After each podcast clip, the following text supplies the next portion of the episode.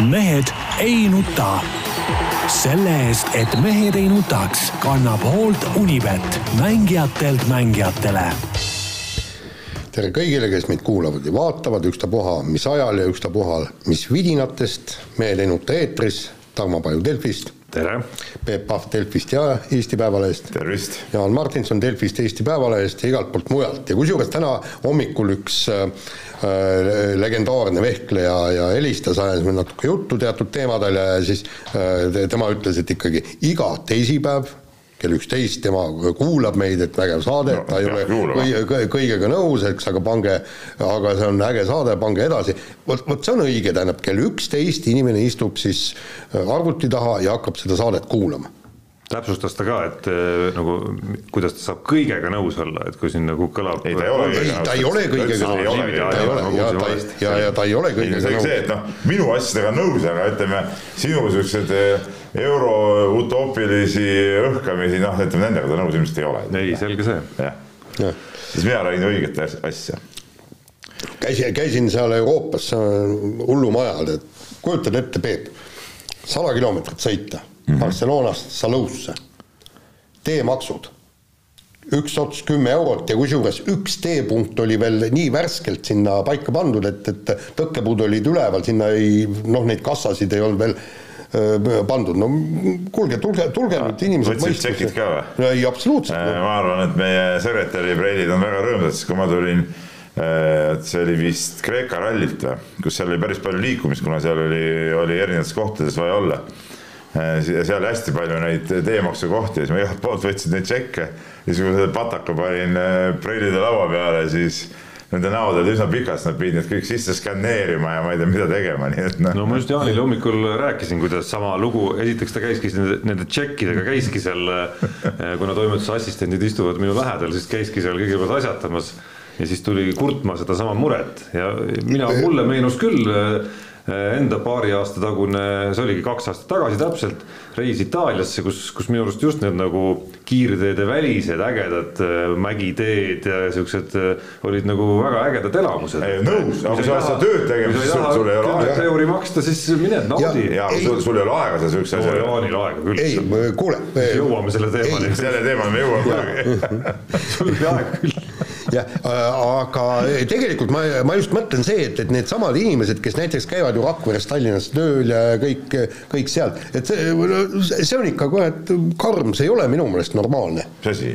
see, et, et sa pead niisugused teemaksud. see on väga normaalne, minu arust sellest saaks teha meil võiks ka olla, mina oleks ka nõus, kui Tartu maantee, Pärnu maantee, Narva maantee oleksid. no Saaremaa sild näiteks. ütleme, ei Saaremaa silda ma ei tea, mina isiklikult seda ei poolda, mina seda ei poolda. aga, aga kui need teed oleksid tasulised ja oleksid kiirteed otsast lõpuni no meil tulevad otsast lõpuni kiirteed ka, aga kui sa peaksid Tartu otsa eest ka, pakun välja kakskümmend viis eurot maksma. no ta ei pea olema kakskümmend viis eurot, noh. ei no aga seal on saja no, kilomeetri peal. okei, seal on, noh, aga mõnes kohas ei ole nii palju, noh, on, on vähem, no. Ja peale sa saad osta alati, kui sa oled püsielanik, siis üldjuhul Euroopa riikides on need, sa ostad selle elektroonilise asja, no see maksab palju vähem ja sellega sa vups-vups sealt läbi, tead noh. et noh, selles suhtes nagu jah. Kuna valimised läksid, vaatasin Delfi valimisstuudiot, mis oli päris kepsakas saade, aga, aga mind häiris natuke see, et, et me rääkisime ainult mingist Narvast, Tallinnast ja Tartust aga, aga nagu, nagu olekski kolmes linnas sisuliselt valimised toimunud. ma ei tea, igal juhul Vasalemma valda ette ei võetud. no mina ei, Vasa valda siis pole olemaski, aga, aga Lääne-Harju. ma vaatasin, mina vaatasin ERR-i seda saadet põhiliselt ja siis telefonist neid tulemusi, aga mind häiris ka, aga isegi ERR näiteks ütleme, kuigi meil Lääne-Harjus oli päris huvitavad tulemused, eks ole, seal ütleme, see valimisliit, kes, kes valitses praegugi sisuliselt see tegi puhta töö näiteks, siukseid asju oleks võinud nagu kajastada küll nendes kohtades. ja sama asi on, on seal, ma ei tea, Keila linnas Reformierakond tegi puhta töö, eks ole, neid, neid siukseid väiksemaid kohti, kus nagu see päris elu käib, jälle ei kajastatud, kogu trall käis mingisuguse mõttetu Tallinna ümber ja, ja, ja Tartu ümber, noh. no ma istusin valimisõhtul toimetuses nii, et minu taga nende pauside ajal, kus nad ei olnud eetris just, olid Herman Kelomees ja Mihkel Tamm, kes just statistika poolt käisidki kogu aeg seal meie helistuudios valgustamas ja ma väga hästi mäletan, kuidas nad ikkagi suuremaid omavalitsusi käisid seal ükshaaval läbi. aga miks suuremaid? no loogiline, et, et sa käid suuremaid läbi, mitte kõiki seitsme, seitsekümmend üheksa. omavalitsusi on veel nii vähe, et minu arust kõik rahulikult läbi käinud. kui see saade, saade kestis seal tunde ja tunde, no mida sa ikka rääkida on? no seitsekümmend üheksa, no ongi tund aega räägid siis no. kõikidest omavalitsustest eraldi no,. Millest... nii, et see huvitab konkreetsel hetkel ainult selle konkreetse omavalitsuse elanikke.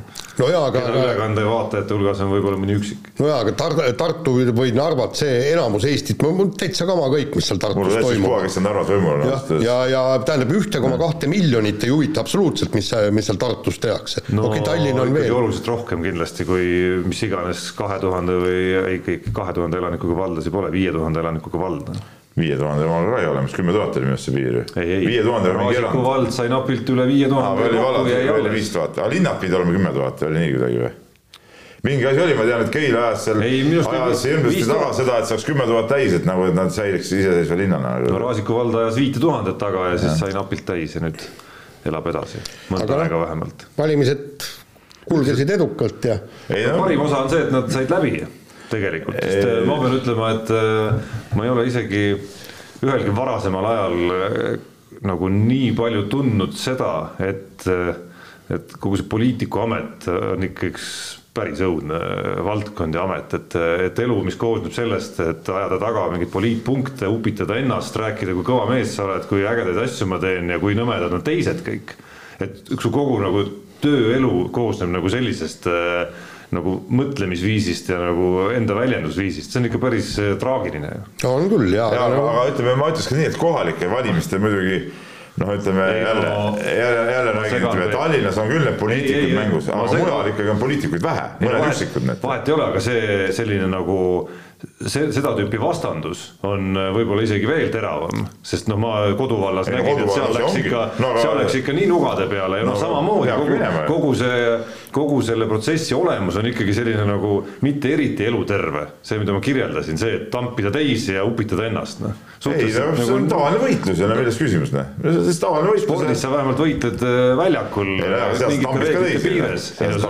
aga see on nagu mäng ja võistlus, eks ole, kus sul on selged kriteeriumid. poliitika ka mäng seal käib lihtsalt mingisugune nagu noh, selline nagu väga olemuslik enda paremaks rääkimine versus teiste halvemaks rääkimine. no vaata, ma ei tea, vot ma ei tea, kuidas see Tallinnas on, aga ütleme väiksemas kohas sa ei saa ennast paremaks rääkida, kui sa oled, et küsimus on, seal on kindlad asjad, eks ole, kas tuleb see veetrass siia või, või tuleb see asfalttee sinna või noh, need on kindlad asjad, noh, seal sa ei saa midagi paremaks või halvemaks sellest rääkida. kes mida pooldab, no see ongi lihtsad valikud, nagu seal midagi keerulist ei ole, et noh no sa praktikas näed siiski, et, et räägitakse mitte ainult veetrassist, Peep no. räägitakse, räägitakse kohalikus kontekstis äh, asjadest, mis pole üldse kohalikud isegi ja räägitakse küll isikuomadustest, sellest, kui äge ma üleüldse olen ja nii edasi. no meie vallas nagu äh, siukse nii madala ei laskuta, et. ei no ei räägi nii, ma räägin nii valdadest kui nagu kõrgtasemeni nagu välja, noh. nojah okay.. et selles mõttes on hoopis äge uudis võib-olla see, et parim uudis nädala jooksul on see, et eh, Coldplay andis reedel oma uue albumi välja ja kahekümne teisel oktoobril tulevad järgmise aasta kontserdite piletid ka müüki, nii et. kavatsen minna või? kavatsen minna.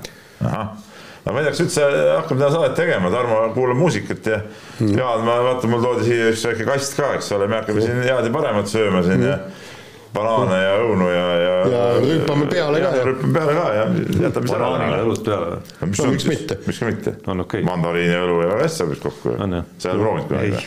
no aga proovi, proovi, proovi.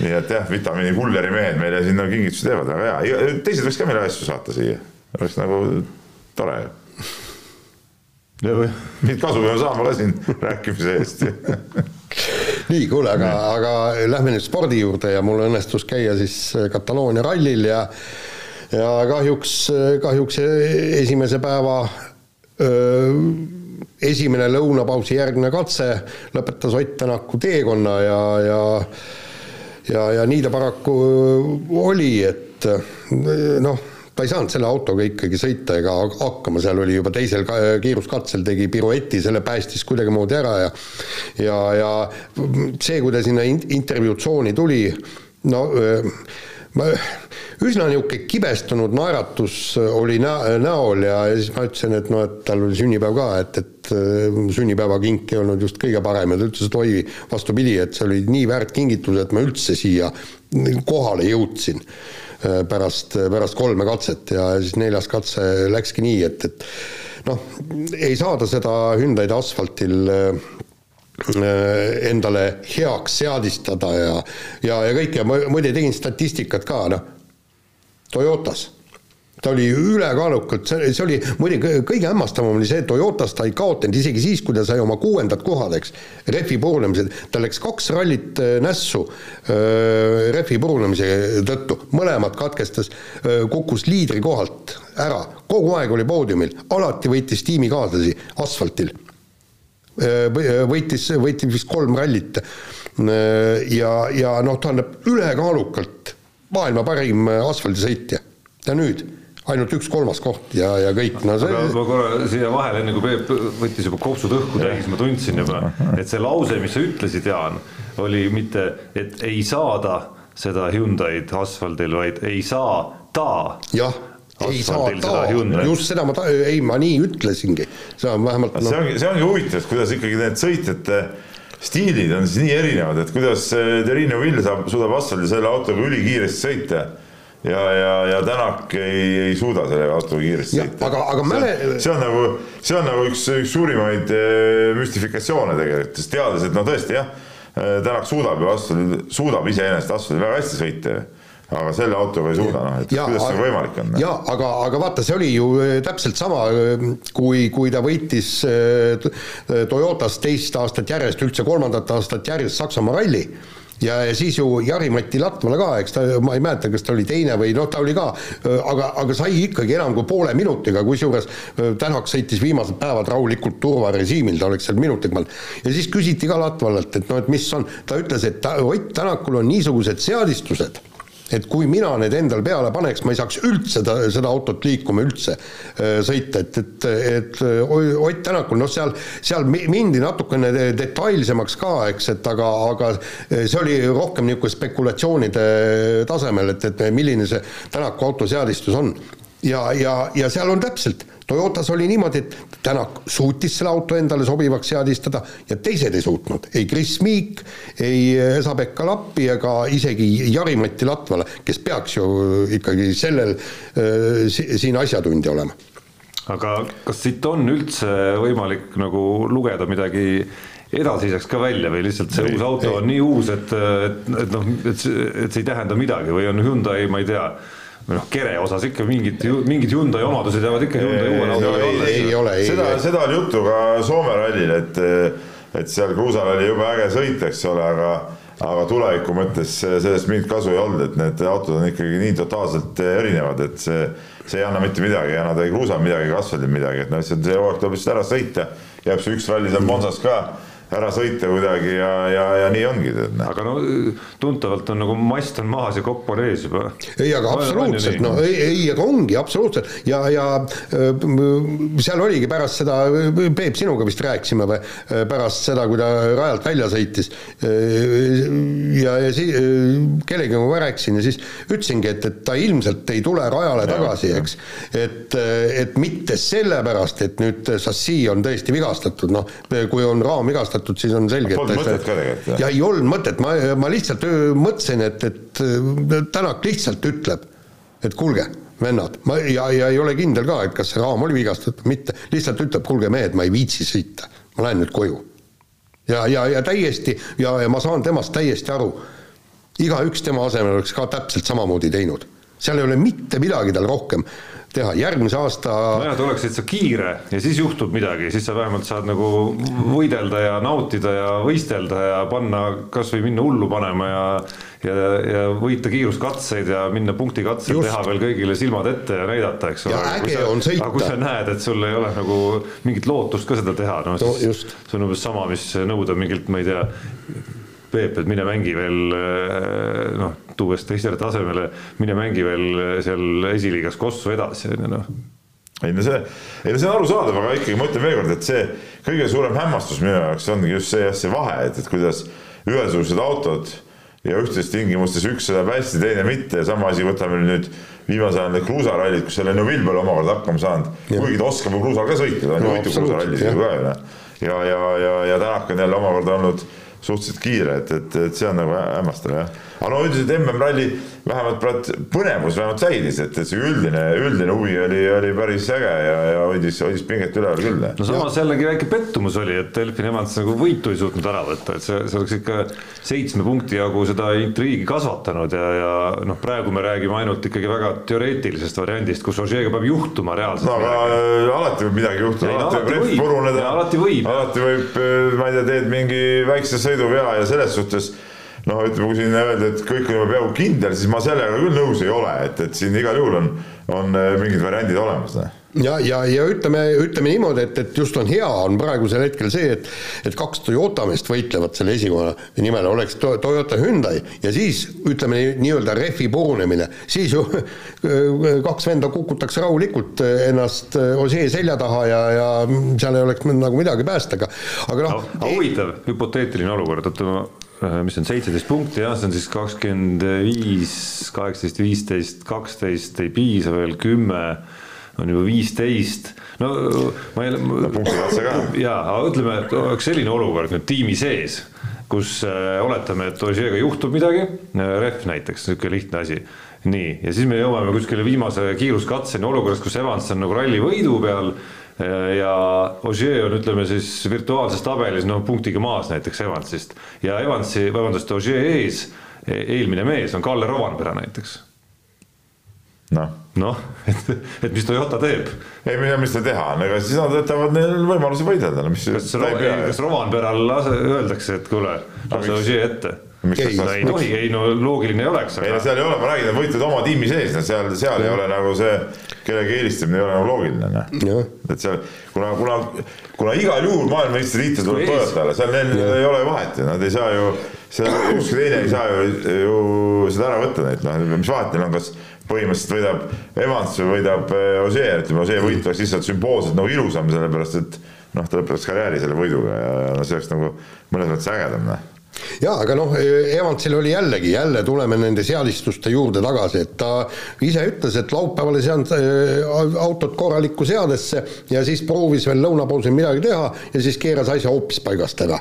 et, et siis läks äh, asi täiesti käest ja, ja noh, Neville on ikkagi sõidumees ja, ja tegelikult Aa, nüüd, oot, oot, oot, oot, oot. Nüüd Neuvill on sõidumees, ma ei tea, me võiks no leida kümneid saateid, kus Jaan on rääkinud, et Neuvill ei. Ole üleüldse mitte mingisugune mees. Ta ei oskagi sõita. Nüüd järsku on ei no seekord oli jah. Ah, seekord oli ja aga muide, tegelikult oli kõige kõvem ja kõige, kõige lahedam vend oli ikka Tanis Ordo, et ta suutis äh, viimasel päeval äh, Ožeele koha kätte näidata, oleks äh, Ožee poodiumil olnud, noh siis oleks sisuliselt no vot seda, see, see, see väike kahjutunne oligi, et, et eriti, eriti kuna Ogier langes veel koht allapoole, siis kui Evans oleks suutnud Neuvilli kuidagi ära võtta, siis me räägiks kümnepunktilisest vahest. Kümme versus seitseteist on ikkagi nagu No see on päris päris suur, oluline jah. erinevus, et kümme on ju reaalselt esimene ja kolmas koht ja punktikatsega üks juurde ja korras, noh. aga mind nagu hämmastab natuke ka Ožee, ütleme, suutmatus äh, piisavalt kiiresti sõita, noh. et see, mis sa kirjutasid, see, et, et kas ta on jäänud sellele kuidagi sellele Tu- säästurežiimile säästu- turvarežiimile. et, et, et, äh, et see võib tõesti tõele vastata ja tal ongi raske sellest seisust äh, välja tulla, noh jah, et ta, ta ei ole harjunud ründama, noh. ta tal ei ole vajadust olnud, ta hakkas nagu seda hoidma, ta on pool hooaega seda kohta hoidnud lihtsalt. nojah, aga tundub, et ei olegi, tundub, et ka viimaseks ralliks ei ole, et no kui see kümnepunktine vahe on ju selline, kus noh, esimene ja kolmas ja oled ilma, on ju, siis noh, nüüd on tal seda puhvrit tekkis, kuna punktid sealt edasi, kuna seitsmeteistkümneni on nii palju minna sealt alla, alla, altpoolt punktidega no viies koht on juba ei no ongi viisteist, no see läheb võib-olla riskantseks, aga no No mitte neljas, väga, isegi jah. viiendast võib piisata, kui Jah. sa punktikatsel Ja, ja ei kaota Evansile liiga palju. jah, aga, aga noh, selle, selles mõttes tõesti see Ožee värk on kummaline, sest vaata, esimene hooaja pool, ta võitis kuuest rallist neli. nii, ühe tea käkerdas ära ja siis ühel oli vist poodiumil ka veel seal.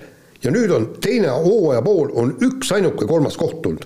rohkem ta ei ole poodiumile saanud, jah, et äh, aga see oligi hetkest, kus ta hakkas nagu sisuliselt hoidma, noh. no aga lõpuks äh, näiteks hoiabki ära, isegi kui äh, noh, oletame, et Evans võidab Monsas või rääkimata sellest, kui saab teise koha, hoiab rahulikult ära ja saab öelda, et näed, väga hästi tegi, tuligi gaas maha võtta pärast Keenia rallit, pärast Keenia rallit. põhimõtteliselt ta tegi kõik õigesti, et ta ei ole nagu ka ütleme nullisid ju saanud kusagilt.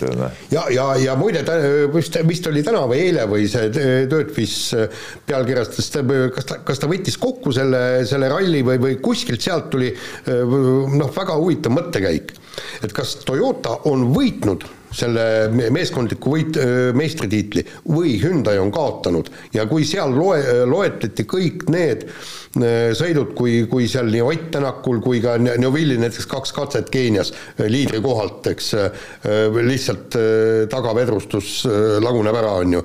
et, et, et, et see on nagu ikkagi põhjus ja kusjuures Ossier nüüd ütles enne rallit Äh, olin just juures, kui, kui temaga tehti intervjuu ja küsiti, et noh, et, et milles on Toyota ja Hyundai äh, vahe ja, ja vaata, varem ta ütles, et, et mis te autost räägite, eks, et et rääkige sõitjatest, et sõitja teeb selle. siis ta juba ütles niimoodi, et, et see on äh, kahe, kahe kooskõla, esiteks sõitjad on teinud vigu ja teine, auto ei ole vastu pidanud.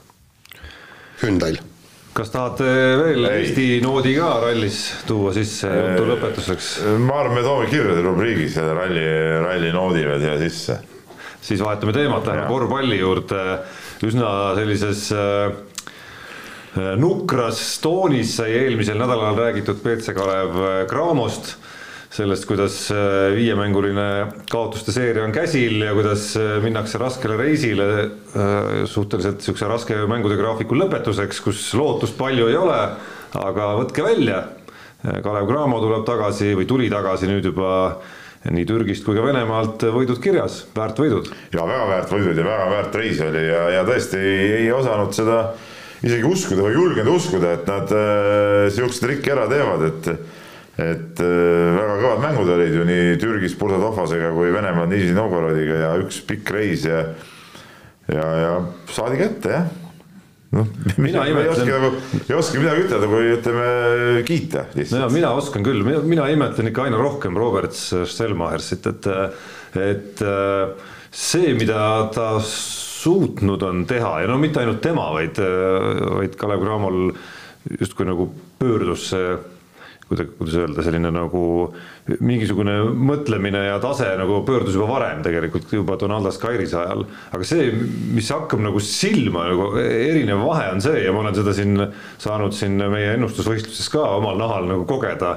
aga kokkuvõttes on mul selle üle nagu hea meel, ongi see, et kuskil on mingid kõrvalised inimesed, kes äh, mõtlevad, et oi, kõik on nii kehvasti, on ju, reageerivad pigem nagu äh, kui läheb kehvasti, siis ongi kõik kehvasti, läheb hästi, on kõik juba hästi, on ju et seal kuidagi on nagu mingi kaine pilt nagu olemas ja mis just nagu sellel, just nagu võrdluses siis nendega, kes äh, räägivad just nagu raskes seisus, et, äh, et pagan, see Bursa Tohvas, see on ju nii kõva, on ju.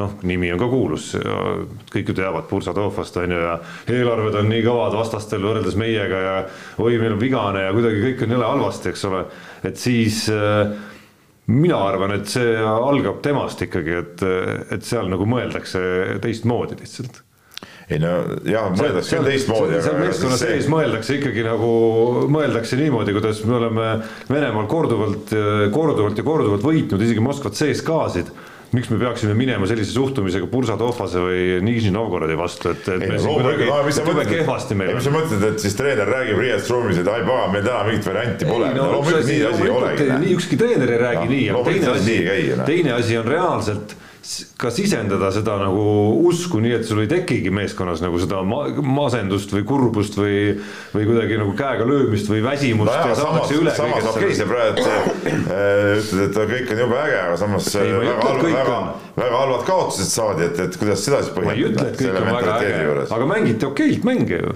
ega nüüd väga kehvemini ei mängitud neid mänge no,, mis siin kaotati. no kaotati sihukestele vastastele, kellele nagu ei tohtinud kaotada. aga see oleks imelik, kui sa võidad kogu aeg et vastased teevad ju, vastastel on ka päris head treenerid ja päris head no, mängijad. seda küll, aga sa saad ise ka aru, et, et äh, Autodooril ja Enisseile kodus kaotada ei tohtinud tegelikult. ei tohtinud jah, aga, aga Autodoor ja nagu, Peep minu arust äh, mängisid tegelikult ka paremat korvpalli kui Nižni Novgorod. no Nižni Novgorod mängiski no, enda, enda kohta väga kehvasti. ja enda kohta väga kehvasti et äh, ma kiidan seda Kalevit, et nad said väga head võidud, aga samas ütleme tervikuna seda hooaja algust ma nüüd nii äh, positiivsetes toonides ikkagi ei näe nagu, et ega et, et see vahepealne kaotuste rivi oli ikkagi, ikkagi päris, päris valus, noh ja, ja noh, see on nii ja naa nagu, et.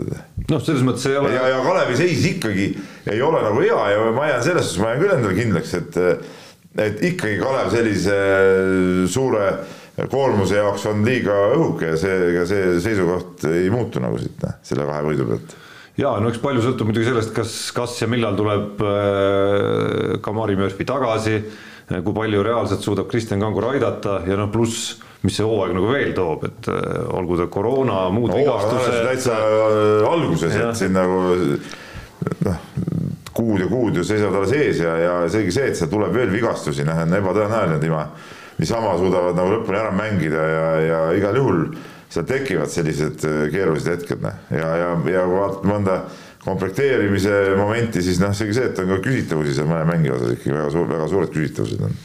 jah, aga noh, mina ei ütle, et nagu algkiirendus oleks kehv olnud, et meistrite liigas on võetud, ma ütleks maksimum isegi et äh, valikturniir läbiti, alagrupis no, ollakse ühe võidu, ühe võidu, ühe kaotuse peal ja noh, VTB seisu noh, polegi võib-olla nii vara mõtet nagu nüüd nagu väga veel vaadata no,, aga ikka. ütleme, see üks võit ikkagi tegi seda oluliselt paremaks, kui oleks olnud null-neli praegu tegi oluliselt paremaks, aga ütleme, ütleme normaalne oleks olnud ikkagi vähemalt kaks-kaks oleks olnud normaalne, mitte üks-kolm. aga noh, selge on see, et esimese nelja mänguga Peep ei otsustata VTB liiga play-off'i pääsemist või mittepääsemist, et neid voore on no, seal. oleneb, kellega sa mängid, mängiti, mängiti enda jaoks väga oluliste võistkondadega. kellega mängitakse veel korra. mängitakse veel korra jah, aga võõrsil kahjuks. no mis sa arvad, palju Kangur aitab?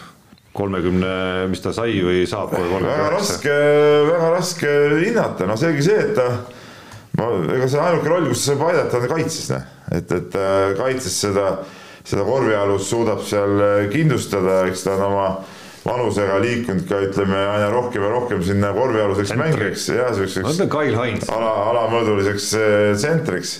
et, et ma usun, et kaitsta kindlasti suudab mõjutada, seda Kalevi mängu kõvasti mõjutada ja, ja, ja kaasa aidata. rünnakul, noh, ma kardan, et, et nii palju võib-olla mitte aga, aga noh, see kaitse roll on ka oluline ja, ja, ja seda korvpallust ütleme, meil on, ütleme selle positsiooni peal on tegelikult okeid ründemängijad või noh, head viskajad on ju olemas, aga nii, nii Kitsingu kui Hermeti väga nõrk koht on just see korvpallune kaitsemäng on ju, et, et noh, et seal ta ei, seda suudab kompenseerida kindlasti. no ja rünnaku poole peal ei pea ilmselt tema puhul punkte vaatama, vaid, vaid, vaid ütleme katete, katete panijana, asetsejana, üleüldse õiges kohas olijana ja söötjana ja. võiks tema kasutegur päris, päris korralik. päris korralik olla jah, aga no küsimus selles, mis vormis ta on ja kui kiiresti ta saab vormi, et ega, ega nüüd ta vist kas saab kohe kolmkümmend üheksa, eks ole, minu arust ta siin sügisel on kuskil sünnipäev. nelja päeva pärast. nelja päeva pärast, vot. et ähm, ega see ei ole nii lihtne muidugi, see tulek ja seal, seal ütleme aastaga või hooajaga noh, see kukkumine võib olla ka suurem, eks ole, ma arvan, seda praegu ei tea mitte keegi täpselt, kui heasse vormi ta võib saada. aga loodame, et saab. jah, no lihtsalt see muutus tema mängus minu arust toimus juba mõned aastad tagasi, mis, et, et see mäng ei rajanenud enam sellisel nagu plahvatuslikul kõrgele kerkimisel ja kiiresti jooksmisel, et selles mõttes ja. nagu väga suurt ümberkohanemist see kolmkümmend kaheksast kolmekümne üheksasse minek ei tohiks nagu no jaa, aga sa pead ikkagi ka sellest kaitsemänguks pead olema füüsiliselt valmis, noh seal ongi see küsimus, et, et kuidas, kui, kui valmis ta kui kiiresti ta valmis, valmiks saab. kas äh, kiidame natukene koduseid tegijaid ka ja laidame? Pärnut no, ja Viimsit äh, tuleks kindlasti kiita ju. Pärnut võõrsil VEF-i üle saadud võidu eest peab muidugi kiitma, no see on, see on nagu selge, et ja Pärnu, Pärnu see mäng oli sihuke positiivne üllatus, ma kahjuks seda mängu ennast äh, niimoodi tervikuna ei näinud, et aga, aga noh, kui kui äh, mütsiga lööma alguses VEF läks selles mängus, noh, et see, siuksed asjad teadupärast maksavad hästi kätte, aga see kindlasti ei pisenda ühestki otsast seda Pärnu, Pärnu võitu, et, et Pärnut igal juhul tuleb kiita ja no Viimsi, Viimsit ka, et Viimsi on, on hästi-hästi alustanud, et ütleme, see nende mäng Tartuga pigem oli üllatus ikkagi see Tartu ärakukkumine, kuigi neil olid kaks väga olulist meest puudu, et et kui Trungilast seal korvi all pole, siis siis on nagu pool meeskonda läinud nagu minu arust. Ja noh, Robin Kivi ka, et et ähm, jah, Tartu algus on olnud äh, sihuke kummaline ja noh, nüüd veel täna-homme mängivad seda uut liigat, eks ole, et kuidas, kuidas see seal jooksma hakkab. et, et ähm, jah, et Tartu õhuke koosseis, ütleme, kui Viimsit ja Tartut võrrelda, siis mõlemal on tegelikult ka hästi õhuke see põhikoosseis. aga ütleme, Viimsis ei ole praegu nagu välja löönud, aga Tartul lõi see kohe nagu välja, see põhikoosseisu õhuksus no mis on nagu imelik, et see kuidagi hooajaeelne seis tundus palju optimistlikum, aga, aga ma ei tea, võib-olla siis see võit Pesara üle kuidagi ajas, ajas nagu midagi sassi seal, et, et tundus kõigile, et, et oi, nüüd on, nüüd on nagu see tase hopsti nii kõrge. ei no nad võitsid siin ju ka muid võistkondi siin äh, Lätis, äh, kus nad käisid siin mängimas ja vist ka Leedus korra või, või, või siin Eesti sats, et, et noh, samad TTÜ-d minu arust võitsid või TalTechi, et äh, jah, praegu nende algus on olnud üllatav. nii, aga lähme edasi ja ja, ja pahad uudised äh, olid eilses Eesti Päevalehes, kui tuli välja selline asi, et siin Tallinna lähistel, Tarmo, Tarmo elukoha lähistel on, eks ole, siis see kuulus äh, Sport of Tallinna hüppetorn, no ütleme kogu see kompleks ja seal on üks hüppetorn, kus siis Kelly Sildaru on kõik oma hüpped äh, selgeks saanud ja Indrek Sildaru ka. Ja nüüd tuleb välja, et see majanduslikku kasu ei too, et pigem toodab kahjumit ja, ja on, on väga-väga suur oht, et lammutatakse maha ja kus siis hakata, hakkavad äh, meie sportlased treenima, et ma siin nüüd ma, ma tean, et TOK äh, inimesed kuulevad, et ma siin Siim Suklast tahaks nüüd küll natuke rihmutada, et et halloo, et kuule mees, et, et nüüd on vaja siin mingeid samme astuda ja ja, ja see ongi EOK roll tegelikult. EOK ja Kultuuriministeeriumi spordiosakonna roll, et selliseid Äh, olulisi, tippspordi mõttes olulisi kohti ja mitte ainult tippspordi, et, et noori üldse äh, selle ala spordi juures hoida. et noh, peate toetama, peate leidma mingid vahendid, et neid hoida.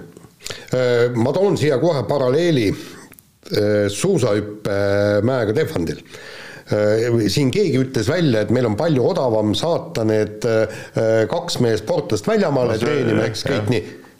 Come on kuule, kogu, kogu meie ju suusahüppe ja kahevõistluse koondis on odavam saata treenima välja Soome või kuhu iganes, kui ehitada seda suusahüppetorni. Sest see ju maksis ikka Eesti kroonides ikka ma ei tea, oli see kakssada kaheksakümmend miljonit, ühesõnaga miljoneid ja miljoneid no selle vahega, et Tehvandil sa saad ka rahvusvahelisi võistlusi tänu sellele tuua ja no mingid muud asjad veel. jaa, aga, aga, aga, aga kuule, suures plaanis taandub see sellele, kas sa üldse nagu lood mingeid eeldusi Just. mingitel aladel, noh, mis nõuavad sellist, selliseid vahendeid ja jutt käib ka sellest samast ju rajast seal ja, ja mitte ainult sellest hüppe, hüppeagregaadist seal on ju, et, et kas sa nagu üldse lood Eestis mingisugused eeldused selle jaoks või mitte? ja, ja, ja, ja vaata, vaatame seda mastaapi, eks, üks maksab miljon, miljoneid ja teine seal ju jutt käib noh, võib-olla noh, kümme, kümme tuhat, kakskümmend tuhat aastas võib-olla on see summa, et seda säilitada võib-olla kolmkümmend, nelikümmend tuhat, no see ei ole ju, see ei ole ju mingisugune megasumma.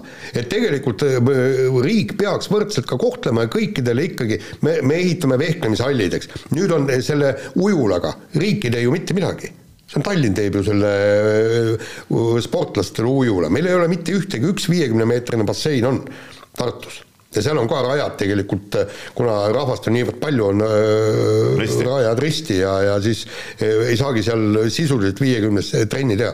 et see on ikkagi, ikkagi riigipoolne kohustus luua tingimusi ja vot see on see spordikoolide ärakaotamine. spordikoolis, spordikool ju on ju riiklik asutus ja, ja, ja, ja neil on kohustus ka kogu see infrastruktuur ehitada. see ei ole ju niimoodi, et, et meil on spordikool, aga vaadake ise, kus treenite ei no see, see jah, no nüüd sa läksid päris kaugele selle jutuga spordikooli juurde, aga nüüd kui konkreetselt probleemist rääkida, siis ma arvan, et eh, probleem vajab lahendamist ja, ja see, et meil on odavam kedagi kuhugi saata, et see jutt ei päde, et et ikkagi tuleb, eh, tuleb võtta ennast kokku, et et EOK ja Kultuuriministeerium peaksid tegelema sellega, milleks nad on nagu loodud et ehk siis seisma hea Eesti spordi eest. jaa, äh, veel äh, vist umbes kaks aastat, võib-olla kolm aastat tagasi äh, kirjutasin ka ju artikli, et et plaaniti teha siia see, siia välja nagu see õhkpadi, et kus saab nagu konkreetselt nagu see piikairi trikke teha. et suuskad tuled ja siis maandud sinna ja, aga see oli siis mingi vist mingi sada viiskümmend, kakssada tuhat kõik see maksis ja, ja tegelikult vot see oleks ka ülihädavajalik kõik, eks aga, aga no selge see, et, et Spot of Tallinn seda eh, teha ei suuda, on ju, eks, ja no kuulge, kui me ei suuda no see ei seda ole Spot of Tallinna nagu ülesanne, see on te- äriettevõte, kes, just. kelle asi on vaadata, kuidas üldse ellu jääda. ja, ja kusjuures see on absurdne, kui, kui nüüd eh, see Spot of Tallinn ütles, et, et ta saaks selle kauba laoks eh, maha müüa, eks ju, aga ta ei tee seda missioonitundest, et et, et las teeb, kuulge, spordirajatisi ei tohi niimoodi ära lagutada, riik peab igal juhul, Kultuuriministeerium ja EOK appi tulema. no nii nagu on aidatud siin, ma ei tea, seda A Le Coq Arenat ja ja kõiki niisuguseid asju on aidatud ju teha ikkagi. Saku küsimus on, Suurega kas omal ajal me, ja kas me ütleme, fakt on see, et uusi spordialasid on tulnud peale ja tuleb edasi ka, eks, meeldigu see või mitte. Ei, no selge, seda tuleb hoida seda kohta, see on loomulik. küsimus, kas, kas me nagu tahame, et me nendel aladel ka tekiks järelkasvu ja tuleks uusi spordistaare ja nii edasi ja noh, ma väidan, et, et seda on nagu väga ja väga vaja, et neid tekiks ja, ja nüüd on küsimus, kas, kas me Eestis teeme selleks ka midagi või mitte või ootame lihtsalt, et tuleks, ma ei tea, Sildarude tüüpi hullud ilmuks kuskilt välja, üks ühe kivi alt ja teine teise kivi alt ja, ja ongi justkui nagu neil on ka tarvis kuskil treenida ju noh, ega siis nad ei no siis, kui see üks lõpuks tuleb, siis teda on muidugi lihtne saata ükskõik kuhugi, väga lihtne. aga selleks, et nad tuleks, kas on loodud piisavalt üldse eeldusi meil riigis või ei ole? no just. nii, aga võtame järgmise teema ja, ja ka see oli nüüd tänases eh, Eesti Päevalehes ja teistes lehtedes ka, no see, see ikkagi Vehklemisliit, noh, ta ei üllata. üllatus oleks see, et, et neil seal asjad ko- korralikult eh, käiksid, aga nüüd järsku tuli välja see, et, et lõpuks eh, tehtigi konkurss eh, naiste EP naiskonna peatreeneri kohale, nagu mees, meestekoondise, aga meestel ei olnudki noh, nagu peatreenerit, peatreener on haige ja, ja, ja nüüd Kaido Kaabermaa peab siis äh, nii-öelda osalema seal konkursil ja äkki tal õnnestub võita, mees ise väitis, et, et ta konkursil osaleda ei kavatse ja no minu jaoks on küsimus see, täna just oli Kuku raadios oli hommikutund ja küsiti, seal ka küsiti ja ma, ma ei mäleta, kes see seal rääkis, et miks on vaja konkurss välja kuulutada. et äkki leiame parema treeneri. mis mõttes parema, tähendab, ühesõnaga treener on viinud naiskonna olümpiavõitjaks. Mis siis veel parem on? ja mitte parema treeneri, vaid et äkki, vaata ma sulle isegi otsisin praegu selle, selle loo välja, eks ole, ja siis. ei, ei seal saatejuhid rääkisid. saatejuhid, saatejuhid, mis see saatejuhid, aga, aga alaliidu president siis Indrek Paal kes on siis, ma ei tea, kelle kätetöö see, see jama nüüd on, mis on siin kokku keeratud, tundub see see tsitaat oli selline, et ma ei ütle, et midagi on halvasti, aga anname inimestele võimaluse pakkuda, kas kellelgi on koondisega seoses mõni parem idee. kui ei ole, lähme Kaidoga lõpuni.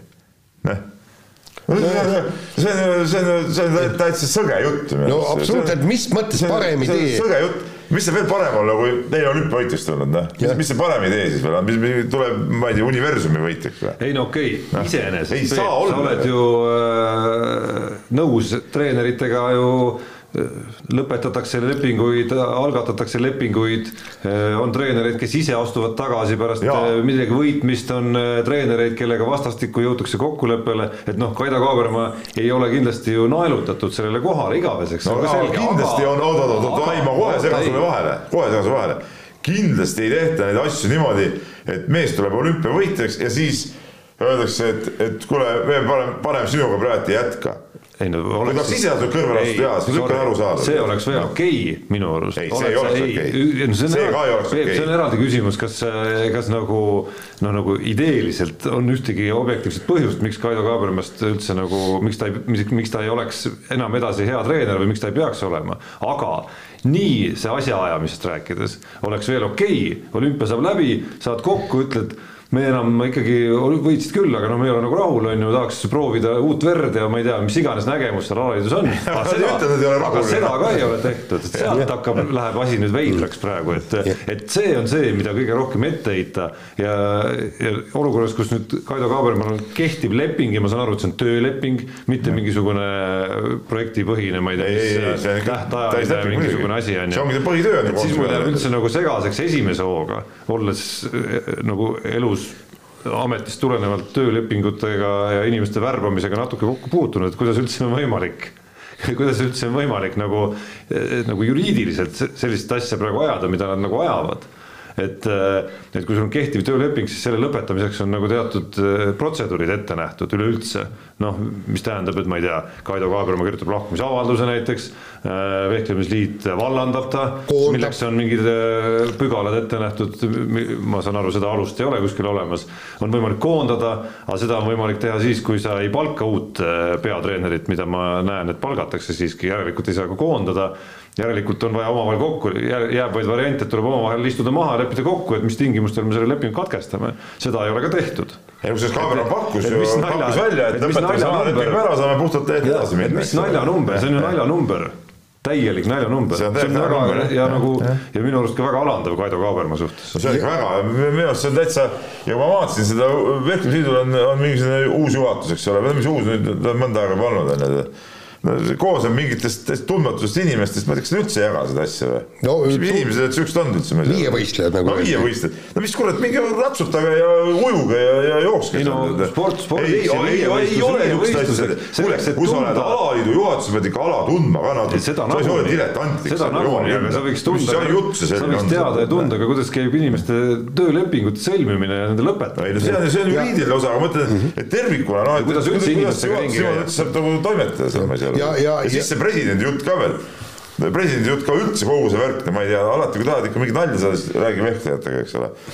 noh, ole see meestekoondise peatreener on, on ka nüüd nagu siis konkursi peal onju, ma küsisin, nii, mis te saate siis sellele meestekoondise peatreenerile nii-öelda ka pakkuda, et noh, et, et kas üldse nagu, et, et mis see koondise pakkumine on, et kas võtate näiteks seal äh, palgale siis mõne vehkleja veel, noh, kes sealt välja jäid, EOK palgast ja niimoodi ei no ega meil siin jah midagi, midagi praegu pakkuda nagu ei ole ja me, meilt võeti nüüd see, see koondise peatreeneri raha ka ära ja nii edasi, onju, et, et noh, no selge, et raha on vähe alaliidul, onju.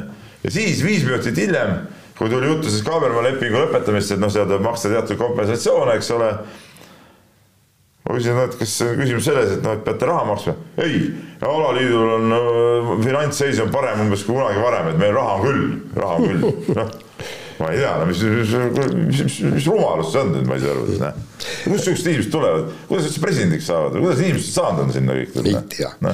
nii, aga ma rääkisin vehklejatega, ma ei mäleta, kas Erika Kirpu või, või, või Irina Emmerich, no on kuu aega tagasi Eesti meistrivõistlustel küsisin ka, et selle äh, Kaido Kaaberma asja suhtes ja ta ütles, et äh, noh, et, et nad, äh, nad ei välista seda, et tõesti korraldatakse konkurss, aga seda kõik tuleb varem välja öelda lepingu pikkus on vot selle kuupäevani, olümpia saab läbi ja siis korraldame uue konkursi. kõik. No. ja, ja nii, aga siin on, tähendab, olümpia sai läbi, mitte midagi ei toimunud. mitte midagi ei toimunud, kõik nii, siis hakkas kuskil kuluaarides kostma, et korraldatakse võib-olla konkurss, võib-olla ei korraldata, mitte keegi mitte midagi ei tea. praegu peab treening töö käima, Kaido Kabermal on ju treeninglaagrid juba paika pandud, kõik nii. meil on ju kuu aega on esimese etapini, mis toimub Tallinnas. saate aru, vehklemine on, jällegi juhatus ei saa ilmselt sellest aru, aga vehklemine on ala, kus sa ei tohi öö, mitte ühes, ühelgi MK-etapil põruda, sellepärast et see tähendab kukkumist maailma edetabelis ja kehvemat asetust. sa pead, see ei tähenda, et sul on äh, kolm aastat äh, aega olümpiamängudeni, sa pead igal MK-etapil olema võimalikult kõrgel, kogu aeg see töö peab käima no.. ja, ja, ja kuidas nüüd siis on, tähendab, me korraldame konkursi, ma ei tea, kes saab peatreeneriks, kõik nii, kuidas seda võistkond ette valmistada nüüd praegu äh, selleks äh, esimeseks no, mulje sellest presidendi jutust selline, selline mulje, et tema nägemuses nagu see koondise peatreener, noh, et see nagu ei ole nagu eriti, ei olegi nagu eriti oluline koht, et noh, individuaalne töö käib oma individuaaltreeneritega, eks ole ja, ja nii nagu ongi, eks ole, et, et, et noh, peatreener ongi nagu sihuke pool administraator seal ainult, noh, päris nii see tegelikult ei ole, tegelikult päris, päriselus ikkagi koondise peatreener, koondise laagrites kogu see treeningtöö käis ikka nagu tema mm tema äh, koordineerimisel, eks ole, okei okay,, individuaaltreener muidugi on ka ja ülitähtsas kohal, rollis on, aga ütleme, peatreener on ikkagi peatreener ja tema ju, ju lõppkokkuvõttes tunneb kõiki neid naisi peensusteni ja, ja vastavalt sellele valib ju ka selle taktika, eks ole, keda panna, mismoodi panna, kuidas vahetusi teha, kõiki asju tead näe. ja, ja ma sealsamas Eestikatel rääkisin vehklejatega, no ei olnud nendega või vehklemisinimestega polnud ammu nendega kokku saanud ja arutasime kõik seda olümpiavõitu, kõik ja absoluutselt kõik ütlesid, et Kaido Kaaberma geniaalne lüke esimeses äh, voorus Poola vastu olümpial veerandfinaalis panna Anko naiseks no Beljajev aga see tuli ju sellest, vaata, mis ma tõin selles loos ka selle näite, kus ta tahtis minna enne olümpiat viimasele sinna äh, klubide mingi karikavõistlused, kus siis Poola ja Itaalia koondised ka vehklesid, koondised ja siis oli ka mingi jama, et juhatus ütles, et ei ole mõtet peatreeneri sinna minna, mingi fa-fa-fa no lõpuks siis läbi selle sammuse lõpuks sai sinna minna ja seal, seal kogetu nähtu põhjal ta selle Beljajevi lükke tegigi tegelikult ju noh. jah, ja, ja, ja see näitab juba seda peatreeneri tähtsust. Loomulikult, noh. sellepärast, et oleks see matš kaotatud, kõik lootused vaata, kui juhatuses istuvad diletandid, kes mitte millestki midagi aru ei saa, vot siis juhtuvad sellised asjad, et keerata ja öeldakse, et ei ole vaja seda, ei ole vaja toda ja, ja, ja tehakse lollusi ainult alaliitudes. ja, ja kusjuures kõige absurdsem selle olukorra juures on see, et ega tegelikult vähemalt siit Eestist, kus meil on tõesti väga häid treenereid, meil on väga häid vähklemistreenereid, meie ei pea vaatama kuhugi äh, välismaa poole. Sellepärast, et meil on omad treenerid, kes äh, kasvatavad olümpiavõitjaid, ei taha keegi seda kohta endale. Ja seal on mitmel põhjusel, noh, kes tahab oma tööd teha, teine, kes ei saa kellegagi läbi, aga põhipõhjus on see, et järgmine treener, tal ei, võita ei ole mitte midagi, tal on ainult kaotada. kaotada, no kui nad järgmine aasta, uus treener võidab Euroopa ja maailmameistrivõistlused, öeldakse, et oh jumal, sul on niisugune kõva koondis, näed, Kaido Kaarma üheksa aastat töötas selle kallal, mis sul viga seda üle võtta.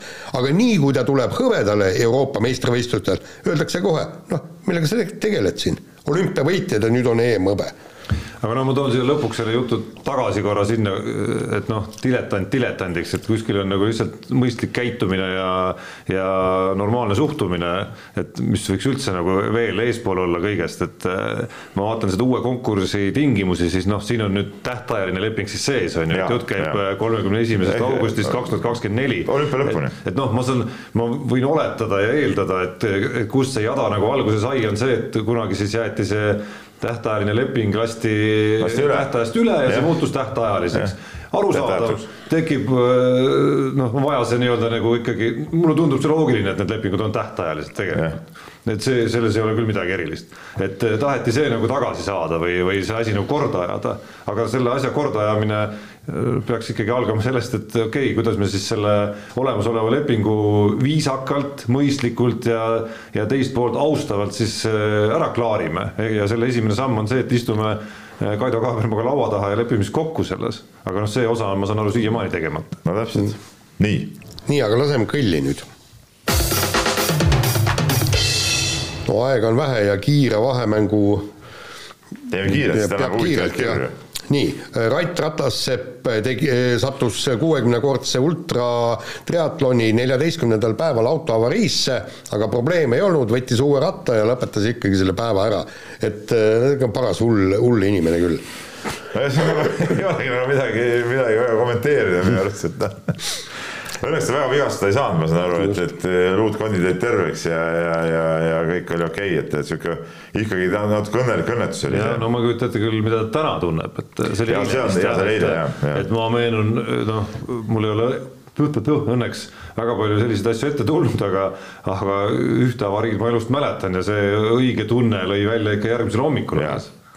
siis, kus Mine- see keha hakkas nagu reageerima, andis tundma, tunda sellest, mis see põrutus nagu tähendas. mina olen ka ühe siukse tõsisema matsu üle elanud ja ütleme, see kael ja see kõik hakkas ikkagi juba õhtul ja, ja järgmine päev oli ikkagi üli, ülikange. jaa, aga ma isiklikult arvan, et, et, et kui te olete kolmteist triatloni iga päev äh, alla, teinud ja siis saate niisuguse matsu, siis ma arvan, et see, see mats ei mõju teie kehale. See aitabki kaasa, uue, uue, uue järgse triatlon, ma, hakkaski ma uniseks läks. ta vist ise kogemata keeras ette ka selle autole, ta jäigi tukkuma seal rattalänku taga võib-olla tead, rändates, no mis teha.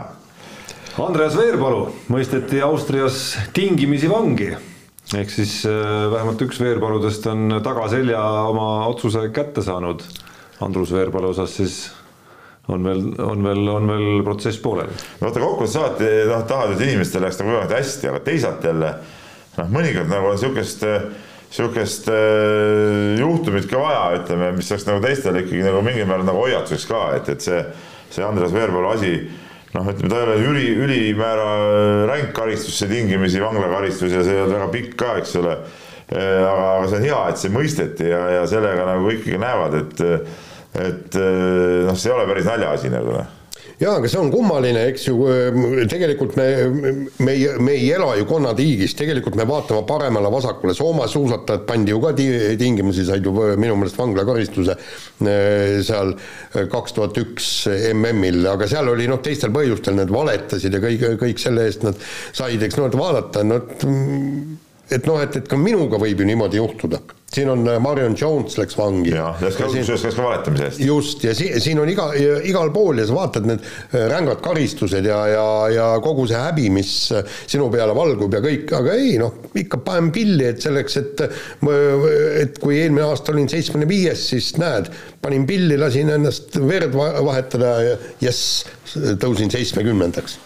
seitsmekümne esimeseks. seitsmekümne esimeseks, jah, see on kõva nii, aga äh, väga kõva on ka Levadia äh, jalkameeskonna kapten äh, Brent Lepistu, kes siis käis siin ühes ka jalgpalliteemalises podcastis, soovitan kõigil seda kuulata, seda podcasti väga hästi saab asjadega ennast kursis hoida selle kaudu ja, ja rääkis seal sellist juttu, et mujalt tulnud korralduse tõttu ei võeta mind Florast lahkumise järel enam Eesti koondisse no ütleme niimoodi, et, et ta ei ole nüüd esimene mees, kes seda juttu räägib, aastate pikku on seda, seda samas. eks seal ikka, ikka mingid karvased käed vahest neid, neid nimesid maha kriipsutavad ja, ja juurde kirjutavad, kui vaja on, tead noh no ma ei tea, palju seal siis, palju seal siis tõde on, kas keegi ükskord nagu selle päriselt ka nagu faktidena välja selgitaks või mitte ükskord, et. raske ütelda. et äh, raske on ka näha nagu treenerit jalgpallikoondise eesotsas, kes meelega võtab kehvemad mehed endale meeskonda. et kuskil no, tekibki hetk, kus sa teed valikuid, on ju. kui sulle ikkagi öeldakse, et sa võid, äh, et parem on, sa seda meest ei võta, eks ole, noh siis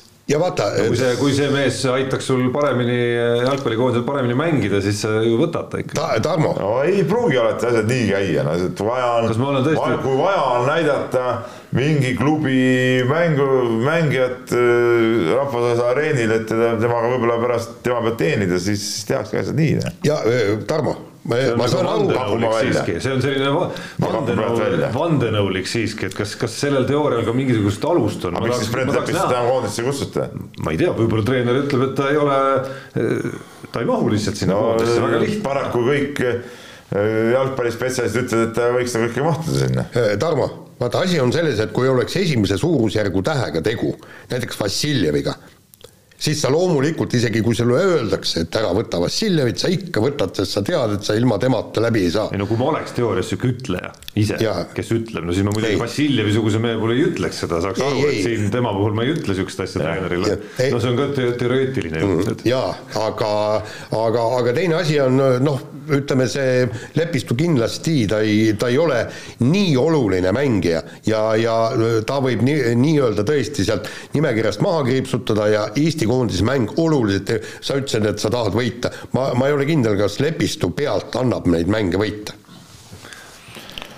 noh, abi oleks tast viimases mängus kindlasti olnud nii, aga Ragnar Klavan äh, ei saa koroona äh, põdemise järel, ta on vist teist korda juba põdes, eks ju, ei saa kuidagi jalgu alla.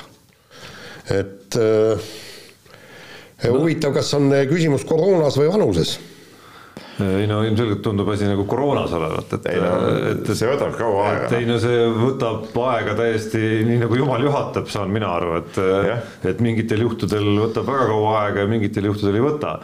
et ütleme enda ma saan nagu endaealise seisukohast rääkida, et minu arust siin, siit jooksebki sisse see kõige põhilisem argument, miks on igal juhul mõtet, kuigi ma arvan, et Ragnar Klavan oli vaktsineeritud ka või ei olnud, ma ei tea seda muidugi, aga noh, miks ikkagi teha, et nagu lihtsalt vähendada tõenäosust, et sa nagu, et mingi, et sa nagu mingi nõmeda versiooni sellest haigusest kätte saad.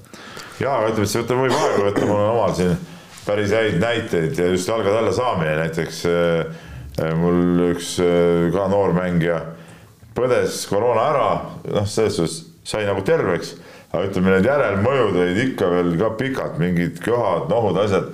Ja eile siis pärast kuuajalist pausi esimest korda äh, kutt sai nagu trenni tulla, et, et ja, ja, ja no ma tean siin mõnda, mõnda kutti, kes mul ka on põdenud et äh, see füüsiline vorm kukub nagu täiesti ära ja sa ei saagi, no su jalad ei kanna ja, ja, ja oled väsinud ja, ja mingi sada häda on kogu aeg. ja, ja, ja me räägime noortest tervetest noortest tervetest spordiinimestest, kes on kogu aeg trenni teinud, noh. et, et, ja, et see nii on, tead noh. jah, ja, ja, ja kui, kui mõned vane, vanemat inimest tabab säärane vorm, siis no põhimõtteliselt on tee, tee haiglasse igal juhul Nii. aga kiire vahemängu lõpetuseks, mida me täna tõesti oleme enda kohta päris kiirelt saanud äh, edendatud, äh, väikene valimisnurk ka, ehk siis päris kõvasti spordiinimesi osales nagu ikka valimistel.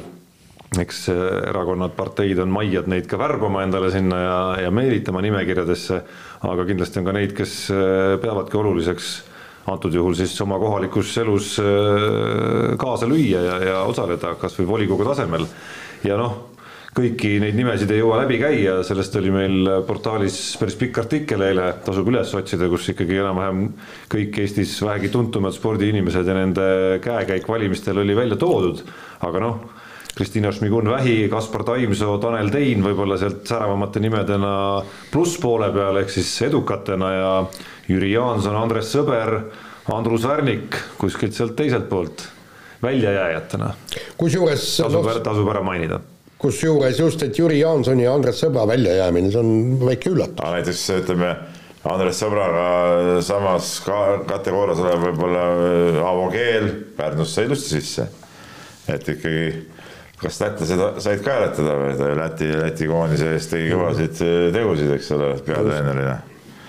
aga ei, vägev noh noh, vägev, et, et äh, need inimesed äh, aitavad Eestit paremaks ja uueks luua. see on huvitav küll jah, kui, kui nüüd mõelda, et, et kelle häältesaak üllatab kuidagimoodi, siis see Andres Sõbra kolmteist tundub küll nagu veider natukene, arvestades, et ta no, Viru-Nigula vallas ongi väga vähe inimesi ka, ma arvan. et ta seal, no ma arvan, see kolmteist võib-olla ei olegi seal nii hull ta kandideeris Keskerakonna nimekirjas ka, Keskerakond on läinud vist väga hästi ka sellesse. ei no vald ei saa ju olla väga väike, sest nagu me just rääkisime, alla viie tuhandesed vallad kadusid ära, et jah, vallas oli nagu rahvast küll, viis tuhat kuussada nelikümmend kolm. läinud väga hästi, minu arust Keskerakonnas üldse on paar inimest või üks või kaks inimest sisse vist. et selles mõttes see kolmteist häält tundub ja, nagu arvestades äh, tema nagu nähtavust ja tema nagu rolli seal vallas sport nii-öelda treenerina, eks laste treenimisel ma ei tea, see on küll üllatav. ja, ja teine asi on see, et, et ta on ikka, ütleme, äh, tal on jutt hea, aga ta ei ole jutumees, ta, ta on see, et, et kui põrutab, kui on vaja ja, ja ma arvan, et, et äh,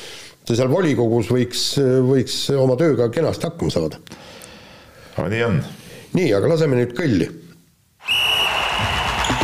Unibetis saab tasuta vaadata aastas enam kui viiekümne tuhande mängu otseülekannet. seda isegi mobiilis ja tahvelarvutis. Unibet, mängijatelt mängijatele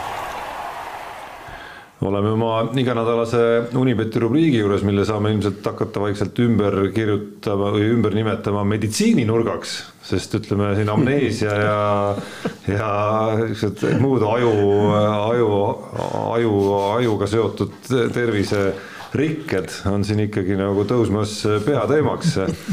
Peep ei ole suutnud nädala jooksul ennustada kusjuures noh, lihtsalt ma ei, ma ei lasegi tal endal rääkida siin, siin on nagu lihtsalt noh, et, et ma tean, ma tean, ma tean, et meie saate kuulajate hulgas on meditsiiniinimesi, üks, üks meie tubli kirjasaatja Mihkel näiteks on meile kirjutanud siin aegade jooksul väga palju ja, ja töötab sellel alal, et et kui siin on ikkagi häid soovitusi, et noh, siin on isegi nagu nii kaugele läheb, vabandust, et ma nüüd delikaatseid isikuandmeid siin natukene muidugi töötlen peenes keeles et, et mees hakkab nagu juba tegema seda panust seal aga lõpuks juhtub ikka nii, et see jääb tegemata, et noh, et äkki, äkki, äkki, kes kuulab meid, on selle ala inimesed, et jagavad häid nippe. no ma tegelikult mitte ainuüksi ma ei, ei unustanud ära kõik need meie asjad, ma muidu mängin siin kaasa sõpradega, meil on oma see WRC ennustus, sihuke liigad, et sihuke äh, üks tüüp tegi seal mingisuguse äpi telefonis seal kõik mingi või Facebooki kaudu kuidagi käib, noh, see selleks, aga mängime seal kaasa ja ja loomulikult siis, kui juba ralli käis, siis ma avastasin, et äh, oli kirjutatud, et tund aega on veel ennustuse lõpuni. no see oli kirjutatud mitu tundi varem, no loomulikult mul läks see meelest ära ja sinna ma kogu mu hooaja esikoht praegu läkski, tead, ma arvan, tead noh. no vähemalt on hea käia ringi ja rääkida, et, et kui oleks ma teinud, ma oleks võitnud kindlasti onju, et selles mõttes ei maksa võib-olla. keegi ei saa vastupidist väita. ei, ei maksa võib-olla jah osaledagi ja meeles hoida, vaata. nii, aga Jaan, kuidas NFL-is siis no, oled juba liidriks tõusnud või? ei, ei ole, sellepärast et noh, et ma olin ju rallil ja valimisstuudiol ja, ja kõike ma ei jõudnud väga silma peal hoida, et eh, kolm panust tegin, kahega võitsin ja pluss kolmkümmend eurot tuli no, juurde. jama lugu, Jaan tuleb ikka, no vähemalt mul on hea meel selles mõttes, et, et siin ise kökerdades seal kuskil seal kolmesaja, neljasaja vahel siin eh, ilma suuremate võngeteta, hetkelgi seal kolmesaja viiekümne peal, noh vähemalt Jaan tuleb ja saab kõvasti Unibeti kulul head teha lõpuks aasta lõpus. ei no aga proovi ka panna panuseid, ega ma ei tea. NFL-i no,, lai no, panuseid NFL-i. ei, no ma ei,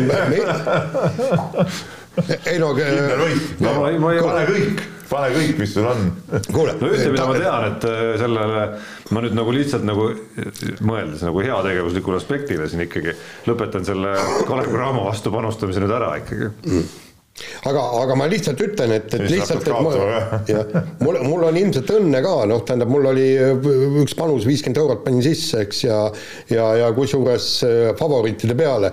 Ja, ja midagi, vasta, vastased üks sekund enne lõppu äh, vi-, viigistasid mängu, läks li, lisaajale, noh, seal okei okay,, minu meeskond muidugi võitis, eks, aga kõik on niisugune nippa-nappa kinni, tead Unibeti mehed ei nuta eripanus puudutab sel nädalal korvpalli, Euroliigat ja Kaunase Žalgirise mängu Müncheni Bayerni vastu, kus siis kaks koma viis on Žalgirise koefitsient. mõlemad on kehvalt alustanud. mõlemale siis null, null on hetkel vastu vaatamas turniiri tabelis. nii on. nii, ja lähme kirjade rubriigi juurde või? tohib jah? tohib. kirju on palju. sul oli meeles ikkagi? mul oli meeles jah ja, ja kirju on palju ja kuna sa siin eh, meie head kirjasaatajat Mihkel Plaasi ka mainisid, siis alustamegi tema, tema kirjaga. laseme Jaanil veel natuke siin praadida, sest tulevad ka Jaani teemad siin kirjades käsitlusele. aga, aga Mihkel kirjutab siis eh, korvpallist ja, ja ütleb, et küsimus korvpallitreener Pahvile. oskad sa seletada, mis juhtub Eesti korv, korvpallurite arenguga vahemikus kakskümmend kuni kakskümmend viis aastat? et paar aastat tagasi tundus seis väga lootustandev, meil oli punt noori talente, Trell, Kullamäe, Kriisa, Raieste, Tass ja nii edasi räägiti kindlas kõneviisis, et vähemalt üks mees tõuseb sealt NBA-sse ja kolm-neli Euroliigasse. reaalsus on see, et NBA-sse ei jõua sellest seltskonnast ilmselt keegi, isegi Euroliiga tasemel meheks pole keegi tõusnud. ei oleks üllatav, kui järgmise aasta EM-ile lähemegi nii, et meil on üks Eurokapi mees Kotsar ja üks meistrite liiga tasemel mees Jõesaar no Jõesaar mängib tegelikult hoopis selles FIBA sarjas. meistrite liigas mängib äh, Kaspar Treier, aga okei okay,, see. no see selleks, ülejäänud on Cramo Eesti, Läti ühisliiga mehed ja lisaks Äh, jah, Cramo mängib ka meistrite liigas ja WTB-s, aga olgem ausad, mitte ükski teine WTB ega meistrite liiga meeskond mõnda Cramo eestlase endale ilmselt ei palkaks no see viimane väide vastab ka tõele. no see nüüd nii absoluutne ka ei ole, et seal see seltskond meistrite liigas on üsna kirju, VTB osas olen äh, pigem nõus. ei no mis ikka juhtub, mina arvan seda ja, ja ma siin võin küll julgelt ütelda, et ma ei jaganud seda optimismi ja ei jaga siiamaani, mis siin äh, mõned aastad tagasi tegelikult on kõlanud, et nüüd hirmsasti hakatakse kuskil Euroliigasse murdma, et kõik, kõik mehed hakkavad seal tegusid tegema. Need noored ongi okeid vennad, Trell, Kullamäe, Kriisa, ega nad kuhugi ära pole kadunud. et äh, Trell ju mängib, noh, Kullamäe lihtsalt sattus sihukesesse kohta, kus võib-olla ei ole kõige paremad seisud praegu. noh, Kriisa on USA-s, Raieste vigane, Tass USA-s et, äh, et ütleme siin Euroopa väljakutel ikkagi sellest seltskonnast vendi ma usun, et mõne aasta pärast võivad tulla küll, kes, kes ka Euroliiga tasemel mängivad. sama Kotsargi võib, võib ju sinna jõuda ja ma ei näe siin nagu mingit probleemi. aga võib-olla vahepeal tõesti ütleme, see haip läks võib-olla natuke liiga suureks lihtsalt ja, ja, ja, ja see on nagu, see on kuidagi nagu Eestis ikka omane, et, et kui midagi hakkab hästi minema, siis, siis see haip läheb ka nagu ohohoo kuhu taevasse, tead noh no, no ütleme, üks, üks selle ala suurmeister on, istub meil siin mul vasakul käel muidugi praegu aga, aga no ütleme sellest ka meie noorajakirjanikud ei ole sellest patust eriti puhtad tegelikult. noh, haipi ha,, haibi juures saab alati nagu noh, on ka mingi väike positiivne pool on ju, et, et on mingit elevust ja tähelepanu ja ja lootust ja, ja nii edasi, on ju, ja, ja rahvast rohkem saalis ja silmapaare rohkem ekraanide ees, mis on nagu tore osa sellest. aga jah, mis ütleme nende ennustuste juures, kuidas tõesti kõik nagu nüüd kõik nendest muudkui lähevad ja jõuavad ja vallutavad, on ju, noh siis seal, seal kõikide nende põlvkondade juures tuleb alati arvestada ja, ja seda seda on lihtsam võib-olla teha. Mul näiteks, kui valmistud teinekord mõneks kommenteerimiseks ja sa, ja sa nagu reaalselt näed kui palju sarnaseid mängijaid on, on ka kõikides teistes riikides, noh no, alustades siit Lätist, Soomest, Rootsist äh,, Taanist isegi ja nii edasi ja nii edasi, on ju. Taanil on ju üleüldse. kui nad saaks kõik oma mehed kokku, siis see ülikõva koondis. absoluutselt, noh, Ife Lundberg ja, ja Shannon Shields on euroliigas mitte lihtsalt nagu äh, kuskil, kuskil ei istu seal on ju, vaid on nagu oma meeskondade, tugevate meeskondade no sisuliselt staarmängijad. ja no ja noorte tasemel samamoodi, et noh, needsamad Äh, kes on läinud kuskile sinna, olgu ta Itaalia või kuni Madridi Realini välja noortesüsteemidesse, et noh, siis, siis seal on ju veel nendega koos kümneid tüüpe no, üle, üle maailma igalt poolt ja USA-st ma üldse ei räägi, kui palju seal veel neid lisaks on ja noh, Kanadat, Austraaliat, kõik, kõik, kõik on ju sellel ühisel turul. et see sealt edasi see läbilöök ongi jube raske. Et mina no,, mina, ma isegi omamata, olles, kuna ma ei ole omanud nagu seda illusiooni, ma ei tea, kaks-kolm või mingid aastad tagasi, kuidas tänaseks peavad kõik mehed vähemalt üks olema NBA-s ja kolm-neli euroliigas, siis mina küll ei ütle, et nagu halvasti oleks tervikuna läinud, et täitsa, täitsa normaalsel tasemel läheb, mõnel kehvemini no,, mõnel paremini. eks palju sõltub sellest, kui tulevad USA-st tagasi, et Ass, Kriisa, ütleme need Böckler, kes seal on niisugustes kohtades, kus noh Äh, et mis neist nagu saab ja mis tasemele nad siin Euroopas tulevad, kas nad tulevad siia Eestisse mängima või saavad nad kuskil a la nagu Kotsar sai ikkagi noh, okeisse kohta. et, et sealt hakkab edasi arenema, aga, aga, aga jah, ütleme nad on, nad on tublid, tublid Euroopa keskmisel tasemel korvpallurid, ma arvan, noh, needsamad üheksakümmend üheksa poisid ka, et, et aga noh, ja ei, ei midagi enamat. nii, aga lähme nüüd ralli teemade juurde, kõigepealt soojenduseks väga huvitav küsimus Rometilt et on olnud kuulda ja räägitud, et uued R1 autod võivad olla sama kiired või isegi aeglasemad kui praegused R5 autod, seega küsimus, kas on võimalik, et näiteks Tänak vahetab teatud rallidel R1 auto R5 auto vastu? no paraku on see, et, et R5 autod võivad olla kiiremad küll aga nad on ainult teatud tingimustes. ja no ongi, nad teatud rallidel. ei. noh, sa isegi selle küsimuse, ma polnud varem niimoodi seda küsimust nagu mõelnud mm -hmm aga miks ka mitte? ei, aga miks ka mitte ja, ja sihukest keeldu ei ole, sa ei tohi. ei, keeldu võib-olla ei ole. mitte aga... võib-olla ei ole, no R5-ga sõitis sa samamoodi emme punkte, mis vahetus on seal? nõus, aga me, ma tahtsin sulle öelda see, nii kui osutub, et R5 autod on aeglasemad, keeratakse Kiiremad või kiiremad, keeratakse neil kohe võimsust maha. ja seda ju räägiti, et praegu, et tegelikult võivad need praegused ralliautod ju ka jääda järgmine aasta sarja eh, erasõitjatele või ta möö-, aga, aga neil keeratakse kogu see võimsus ja, ja kõik maha, et, et ta tehakse teadlikult ja tahtlikult nii, et ta ei oleks kiirem kui järgmise aasta auto, mis on absurdne. mul on muidugi kuri kahtlus, et äh, Jaan, meie töö sinuga saab ka varsti otsa ma arvan, et see järgmine hooaeg, sellest algab äh, autoralli MM-sarja nagu lõpp, see on nagu lõpu algus. noh, ta võib nii olla. ma arvan küll, kahjuks. jah. no see on lõpu algus, noh. aga lõpu algus siis sellepärast, et. Äh, et äh, autod on nii nadid, noh. kiirust et vaata nagu Jaan tõristaks. no nagu Jaan, noh, põhimõtteliselt küll, noh. et noh, seal pöörad niimoodi rooli rahulikult ja vahetad siit käiku ja vahegaasiga, noh, nii hakkab olema no head, head nahka sealt ei tule, nii, aga Jaan, sinu töö võib muidugi varem ka otsa saada, sest et äh, kuulajad-vaatajad ei ole rahul sinuga no.. nii, ja tuli kiri ja ma pean tunnistama, et ma pean, pean kirja sisuga nõustuma. ja, ja, ja kiri on muidugi pikk, ma nüüd päris sõna-sõnalt seda ette, ette lugeda ei saa, aga ma võtan siit, siit mõned kohad. Äh, et, et, et kui ütleme, on teada, et MM-sarjas siis ütleme, mina või Jaan käime kohal ja siis on alati oodata koha pealt intervjuusid lisaks Ott Tänakule ka meie teiste rallisõitjatega. suur oli aga üllatus, kui peale reedest varast Tänak Järveoja katkestamist praktiliselt enam rallit koha pealt ei kajastatudki ja seda hoolimata sellest, et Robert Virves, Alex Lesk heitlesid ei rohkem ega vähem kui karjääri esimese juunior WRC võidu nimel ja okei sõitu oli taaskord MM-i ralli tegemas ka Georg Linnamäe. kui Virvese osas sai vähemalt ühe väikesegi intervjuu laupäeva lõuna ajal, siis Linnamäe osas ümmargune null Äh, no siin ta räägib, äh, kuna, kuna äh, Rauno kirjutab meile, kes ise ka nagu ralli ajakirjanik pooleldi, siis noh, ta räägib, et ta teab, kuidas süsteemid seal käivad ja nii edasi ja ja, ja, ja tuleb kaua oodata ja nii edasi, aga see, see kõik selles, aga, aga tal tekkis niisugune küsimus, et äh, või vahepeal isegi kahtlus, et kas äh, Delfi ajakirjanik on teatud põhjustel pandud keel näiteks Linnamäed intervjueerida. sellepärast tegemist on teise kontserni suuromaniku lähisugulasega, eks ole. ehk siis nad nagu vennapojaga Äh, aga, aga siis talle ikka meenus, et kui, kui Peep käib rallil, siis on tehtud küll neid intervjuusid, eks ole, siit nüüd siis küsimus, millega tegeles Herm Martinson Kataloonias vahemikus reede õhtu kuni pühapäeva pärastlõuna, et selle aja sisse mahtus vaid kokkuvõte Tänaku neljast katsest ja statistika tema Fordi ja Toyota aegsete asfaldirallide kohta ja väike intervjuu Virvesega. saan aru, et Hispaanias on soojem kliima, odavam vein ja kõik see muu manjana kuid kui Eesti võistlejad on rajal ja vähemalt Virves kaasa löömas kõrges mängus, siis oleks ju ikka tore, kui seega jõuaks Delfi vahendusel Eesti spordisõbrani. Jah, oleks tore küll. nii, Jaan, aga ma, ma mäletan ma... aegu ja tegelikult nii. Eh, siis, kui see eh, Ott Tänak sealt välja sõitis, eh,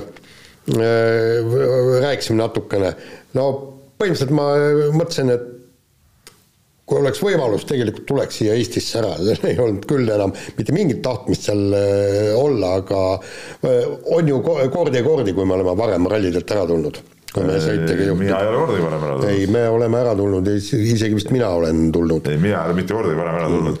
ma olen ühe korra, ma üritasin seda teha, kui tõesti juhtus niisugune lugu, see oli mõni aasta tagasi Portugalis, kui Tänak äh, vist ka kohe esimesel päeval suht alguses katkestas ja, ja seal rohkem ühtegi teist eestlast sõitmas ka ei olnud. ja siis ma üritasin seda teha, aga see piletite vahetamine läinud nii kalliks ja siis ma sellest loobusin, aga, aga, aga, aga üldiselt ma olen sellega nõus, et, et Delfi tugevus ongi see, et me käime seal kohapeal, esiteks kõige tugevamad asjad on, et me saame Tänaku intervjuud, mis lugejatele, vaatajatele palju huvi pakuvad. Ja teine asi on see, et, et me ka neid teisi eestlasi ikkagi oleme kajastanud ja ja, ja seda peab tegema, nii et. no sinu silmad olid. jah, ei, aga. korraldused. ei, ma tegelikult tunnistan ausalt, ma olin nädalavahetusel, ma, ma olin muude asjadega natuke hõivatud nädalavahetusel. aga, aga muide selle Linnamäe kohta see, et, et ma, ma kardan, et seal oleks intervjuu lihtsalt piinlikul, ma ei ole nii pädev inimene, et, et küsima, kui tõesti, kui löntsib kogu selle kamba sabas, no mida ma oskan öelda no,. küsida, no. sõitis ju.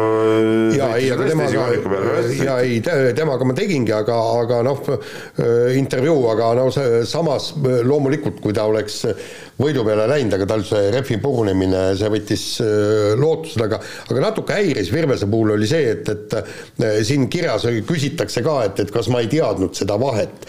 ma tead, äh, palju tal oli, eks, et kakskümmend kolm sekundit, eks. ja vaatan, vaatan jõuliselt vahe ära, vend võtab umbes neli-viis sekundit per kiiruskatse sõit on pool rallit veel, no veidi vähem kui pool, eks mm., nii, ja küsin, et et noh, et, et äh, seal kuidas on ja jutu sees ütleb, et ei noh, puhta sõiduga seda vahet kinni ei võta. ja siis ma hakkasin kahtlema, kurat, kas ma olen midagi, midagi kuskil valesti lugenud, kakskümmend, minu teada kakskümmend kolm sekundit ja ta ütleb. kolm sekundit puhtsõiduga ongi raske kinni võtta.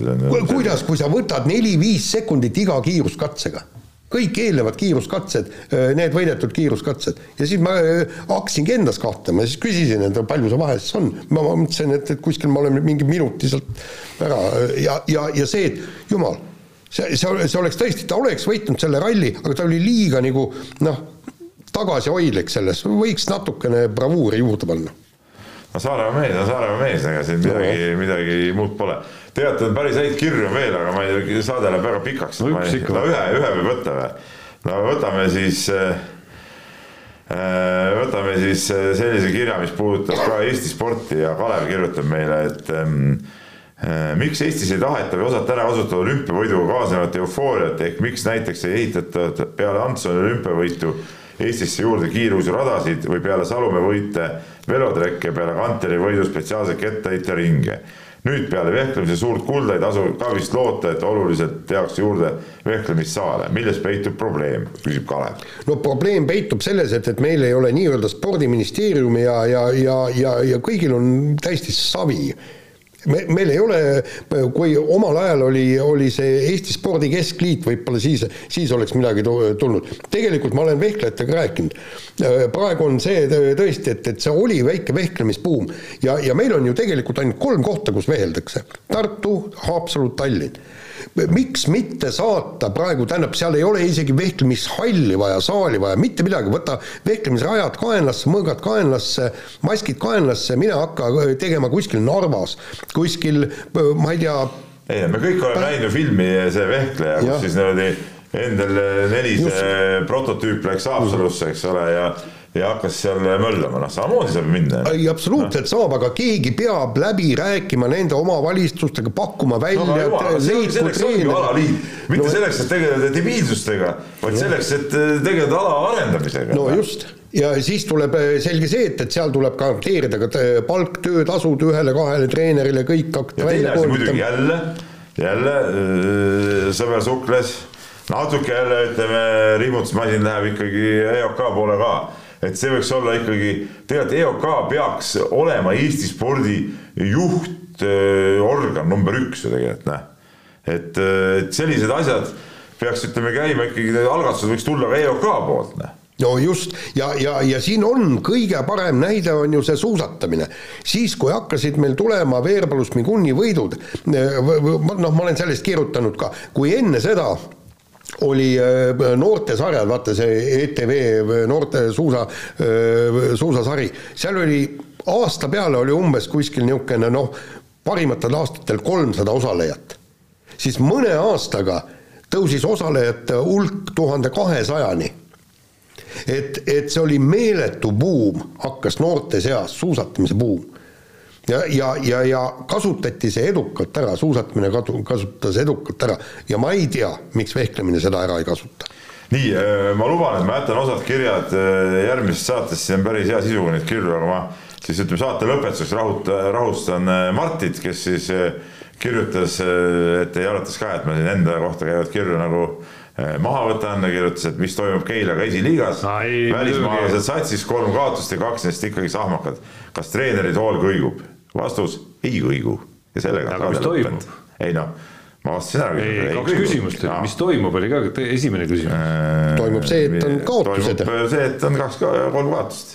no väga kehv, kui siukse, siukse intervjueeritava peale satuksid ise ajakirjanikuna, no siis. Äh, ei noh, väga õige. kiruks maa põhja. ei, aga ma ei hakka siin avalikkuse ees siin võistkonna siseasju pealt lahkama siis jah nii on. no see on juba huvitavam vastus. aga, aga tool. no aga fännid, Peep, avalikkus, fännid. ootame kõiki fänne reedel kell üheksateist kolmkümmend Keila tervisekeskusesse, pilet kolm eurot.